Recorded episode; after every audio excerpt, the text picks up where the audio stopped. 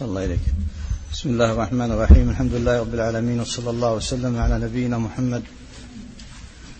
قال شيخ الإسلام محمد بن عبد الوهاب رحمه الله تعالى في رسالته إلى أهل القصيم لما سألوه عن عقيدته.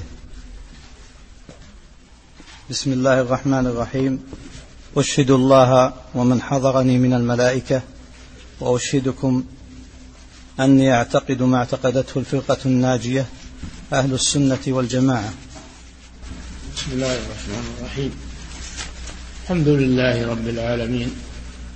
صلى الله وسلم على نبينا محمد. وعلى آله وأصحابه أجمعين.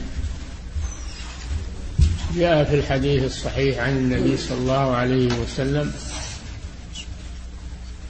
أنه قال كانت بنو إسرائيل تسوسهم الأنبياء.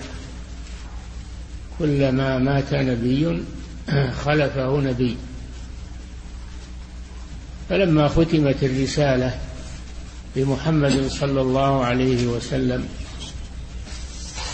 وأنه لا نبي بعده إلى أن تقوم الساعة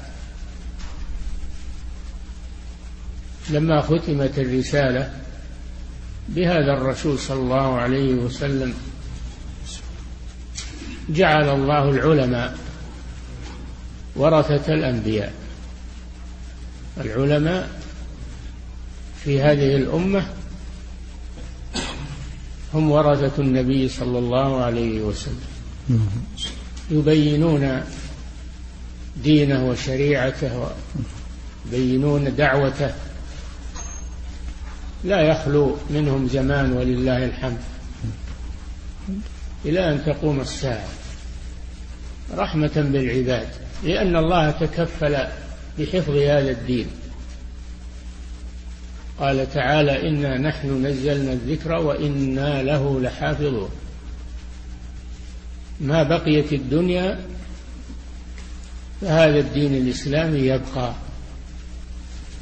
مهما حصل من التغيرات ومهما حصل من الأعداء من الكفار والمنافقين وأتباعهم من تلبيس على الناس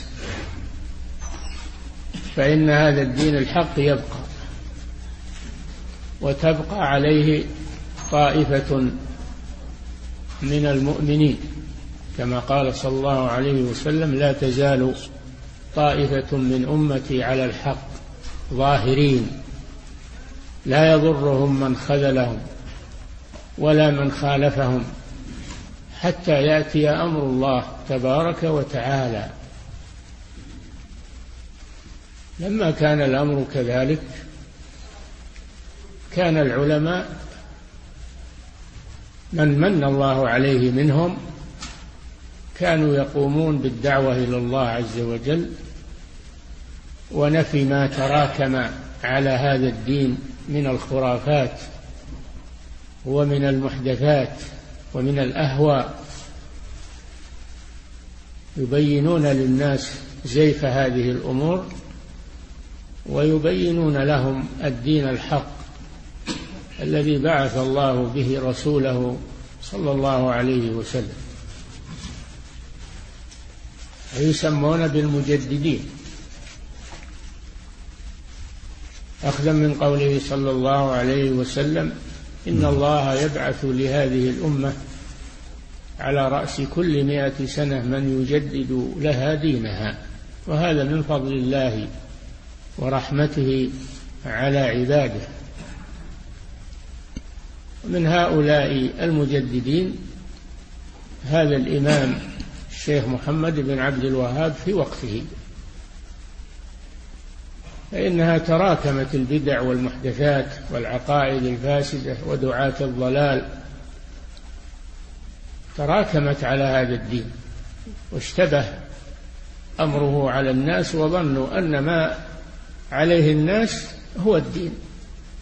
دون أن ينظروا هل هو موافق للكتاب والسنة لأنهم لا يعرفون لا يعرفون حتى لا يعرفون الكتاب والسنة إلا من رحم الله. فهم يظنون أن هذا هو الدين. ولكن من رحمة الله أن الله يقيض لهذا الدين من يبينه للناس ويرد عنه الدخيل والزيف.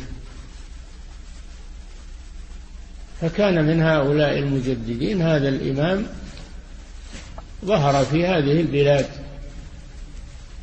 نشأ فيها بين العلماء. من من آبائه وأجداده وعلماء البلاد. كانت البلاد فيها علماء لكنهم يعتنون بالفقه فقط. وأما العقيدة فهم على العقيدة السائرة في وقتهم. عقيدة الأشاعرة عقيدة الماتريدية عقيدة المعتزلة عقيدة على ما كانوا عليه ما يغيرون شيئا. ما يغيرون شيئا رغم أنهم علماء متبحرون في الفقه ومعتنون بالفقه أيضا. لكن ما يلتفتون إلى العقيدة وإصلاحها إلا من رحم الله. لا نقول كلهم.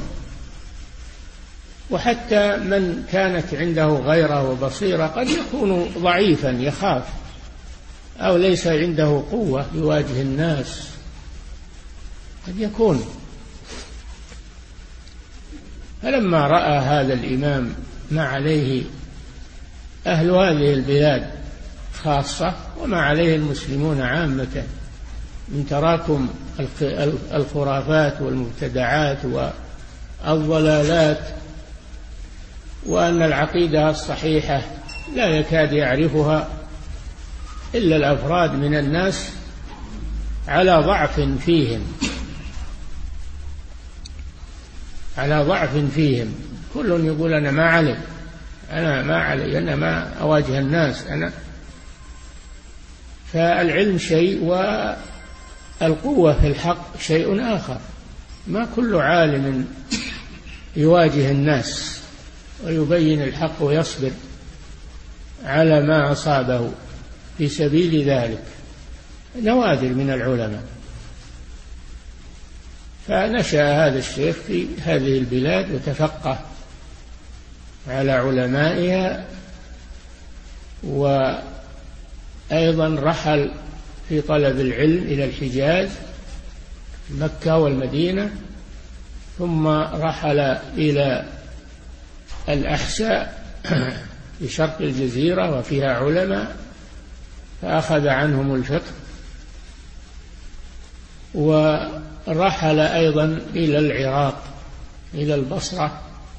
فيها علماء فتفقه عليهم وكان من خلال تجواله يبحث عن الكتب الكتب القديمة كتب السلفية مثل كتب شيخ الإسلام ابن تيمية. فكان يقبل عليها ويطالع فيها وينسخ آه، لنفسه منها ويكتب. فتهيأ عنده عدة من الكتب النفيسة والعلم.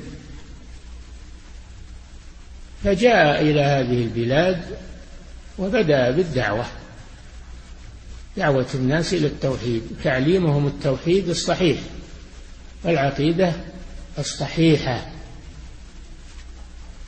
على هذا على رأس القرن في القرن الحادي عشر والثاني عشر. حادي آخر القرن الحادي عشر وأول القرن الثاني عشر. ويسر الله له من الحكام من ساعده وأعانه في تنفيذ الحق ودافع عنه. فظهرت دعوته والحمد لله في هذه البلاد. ثم تمددت إلى البلاد الأخرى. فلما رأى الخرافيون والقبوريون الذين ألفوا ما هم عليه وربما لهم مصالح دنيوية ولهم مناصب خشوا على أنفسهم خشوا على أنفسهم وأطماعهم ووظائفهم فلبسوا أن هذا الشيخ مبتدع وأنه يغير الدين وأنه جاء بمذهب خامس ومذهب الوهابية يسمونه. فأهل القصيم علماء القصيم لما رأوا هذه الشائعات حول الشيخ ممن يريدون صد دعوته ما قبلوا هذه الشائعات بل إنهم كتبوا للشيخ يسألونه عن عقيدته وهكذا يجب هكذا يجب عند الشائعات وعند الأكاذيب وعند على شخص أنك تتثبت يا أيها الذين آمنوا إن جاءكم فاسق بنبأ فتبينوا أن تصيبوا قوما بجهالة. فتصبحوا على ما فعلتم نادمين. فهم ما قبلوا هذه الشائعات. كتبوا إلى الشيخ يسألونه عن عقيدته لأن العقيدة هي التي تبين حقيقة الشخص. هل هو صادق أو غير صادق؟ فكتب لهم هذا الجواب. بهذه الرسالة وبين أن عقيدته هي عقيدة السلف الصالح عقيدة أهل السنة والجماعة العقيدة التي التي ثبتت بكتاب الله وسنة رسوله صلى الله عليه وسلم وأنه ما جاء بشيء جديد ولكنه أظهر هذه العقيدة وبينها درسها وبينها للناس هذه حقيقته فأنت حينما تسمع عن شخص خصوصا في وقتنا هذا الآن اللي كثر فيه التحارش وكثر فيه ما تسمعون من السباب والتنابز بالألقاب والحزبيات كل واحد يتكلم في الآخر. لما يجب عليكم أن تتثبتوا عن من الحق معه. الحق من هو معه؟ فهم أرادوا أن يتثبتوا عن هذا العالم. ما هي عقيدته؟ حتى يظهر هل هؤلاء صادقون فيما رموه به أو هم كاذبون. وإن كان الشخص الذي يتكلم فيه ميتا ترجع إلى كتبه ومؤلفاته. تقرأ فيها لتعرف ما هو عليه تعرف الكذب الذي روج عليه. فإن كان حيا تسأله وإن كان ميتا ترجع إلى كتبه ومؤلفاته. هذا الذي يريد الحق ويبحث عن الصواب ولا يذهب مع الشائعات والإرجافات. فكتب لهم جوابا في هذه الرسالة التي هي في الحقيقة عقيدة الشيخ وما هو عليه. نعم. صنعت.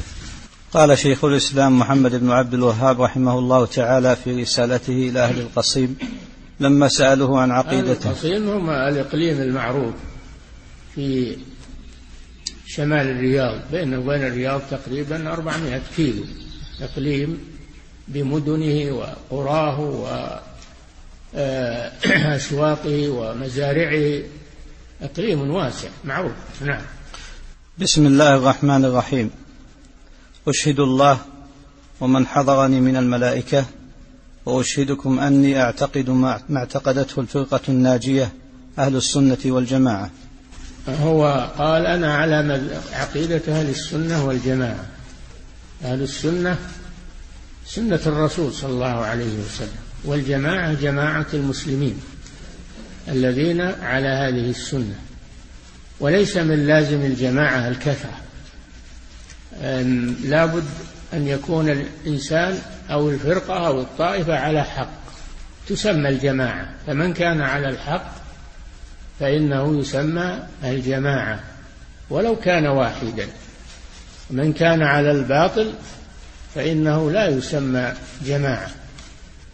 لا يسمى الجماعة المحمودة. يسمى جماعة ضلال. يسمى جماعة ضلال. أما الجماعة المحمودة فهم من كان على كتاب الله وسنة رسوله صلى الله عليه وسلم. لقوله صلى الله عليه وسلم إني تارك فيكم ما إن تمسكتم به لن تضلوا بعدي. كتاب الله وسنتي. قال صلى الله عليه وسلم فإنه من يعش منكم فسيرى اختلافا كثيرا. فعليكم بسنتي وسنة الخلفاء الراشدين المهديين من بعدي تمسكوا بها وعضوا عليها بالنواجذ. وإياكم ومحدثات الأمور فإن كل محدثة بدعة وكل بدعة ضلالة وفي رواية وكل ضلالة في النار. وقال عليه الصلاة والسلام افترقت اليهود على إحدى وسبعين فرقة افترقت النصارى على اثنتين وسبعين فرقة وستفترق هذه الأمة على ثلاث وسبعين فرقة كلها في النار إلا واحدة. قالوا من هي يا رسول الله؟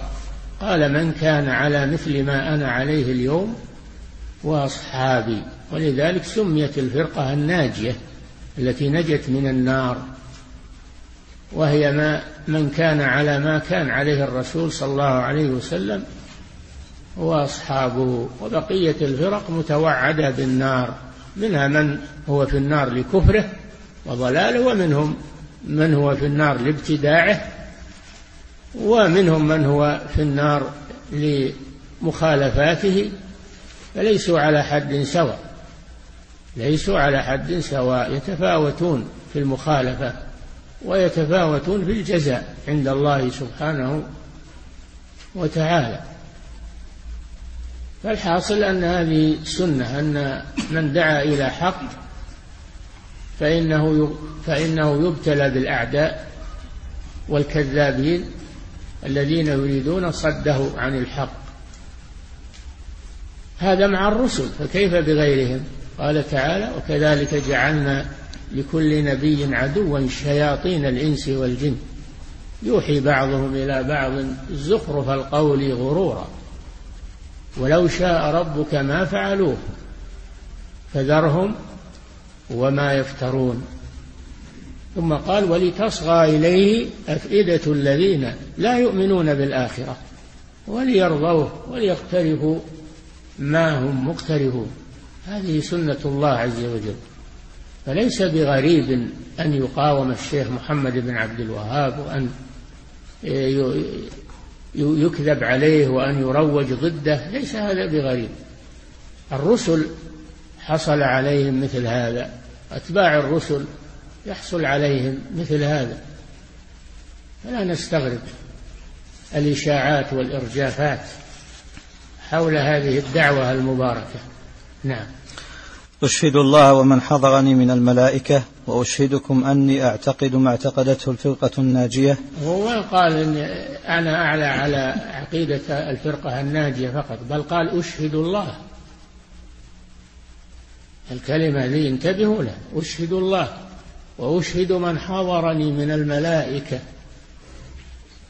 هذا شيء عظيم. إني ما ما نبزكي نفسي أو أمدح نفسي. أنا أشهد الله وأشهد ملائكته على ما أنا عليه. نعم. وأشهدكم أني أعتقد ما اعتقد. أشهدكم أيها المخاطبون. اشهدوا أني على كذا وكذا.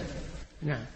وأشهدكم أني أعتقد ما اعتقدته الفرقة الناجية أهل السنة والجماعة. الفرقة الناجية عرفناها من كان على ما عليه الرسول صلى الله عليه وسلم وأصحابه. نعم. من الإيمان بالله وملائكته وكتبه ورسله والبعث بعد الموت والإيمان بالقدر خيره وشره.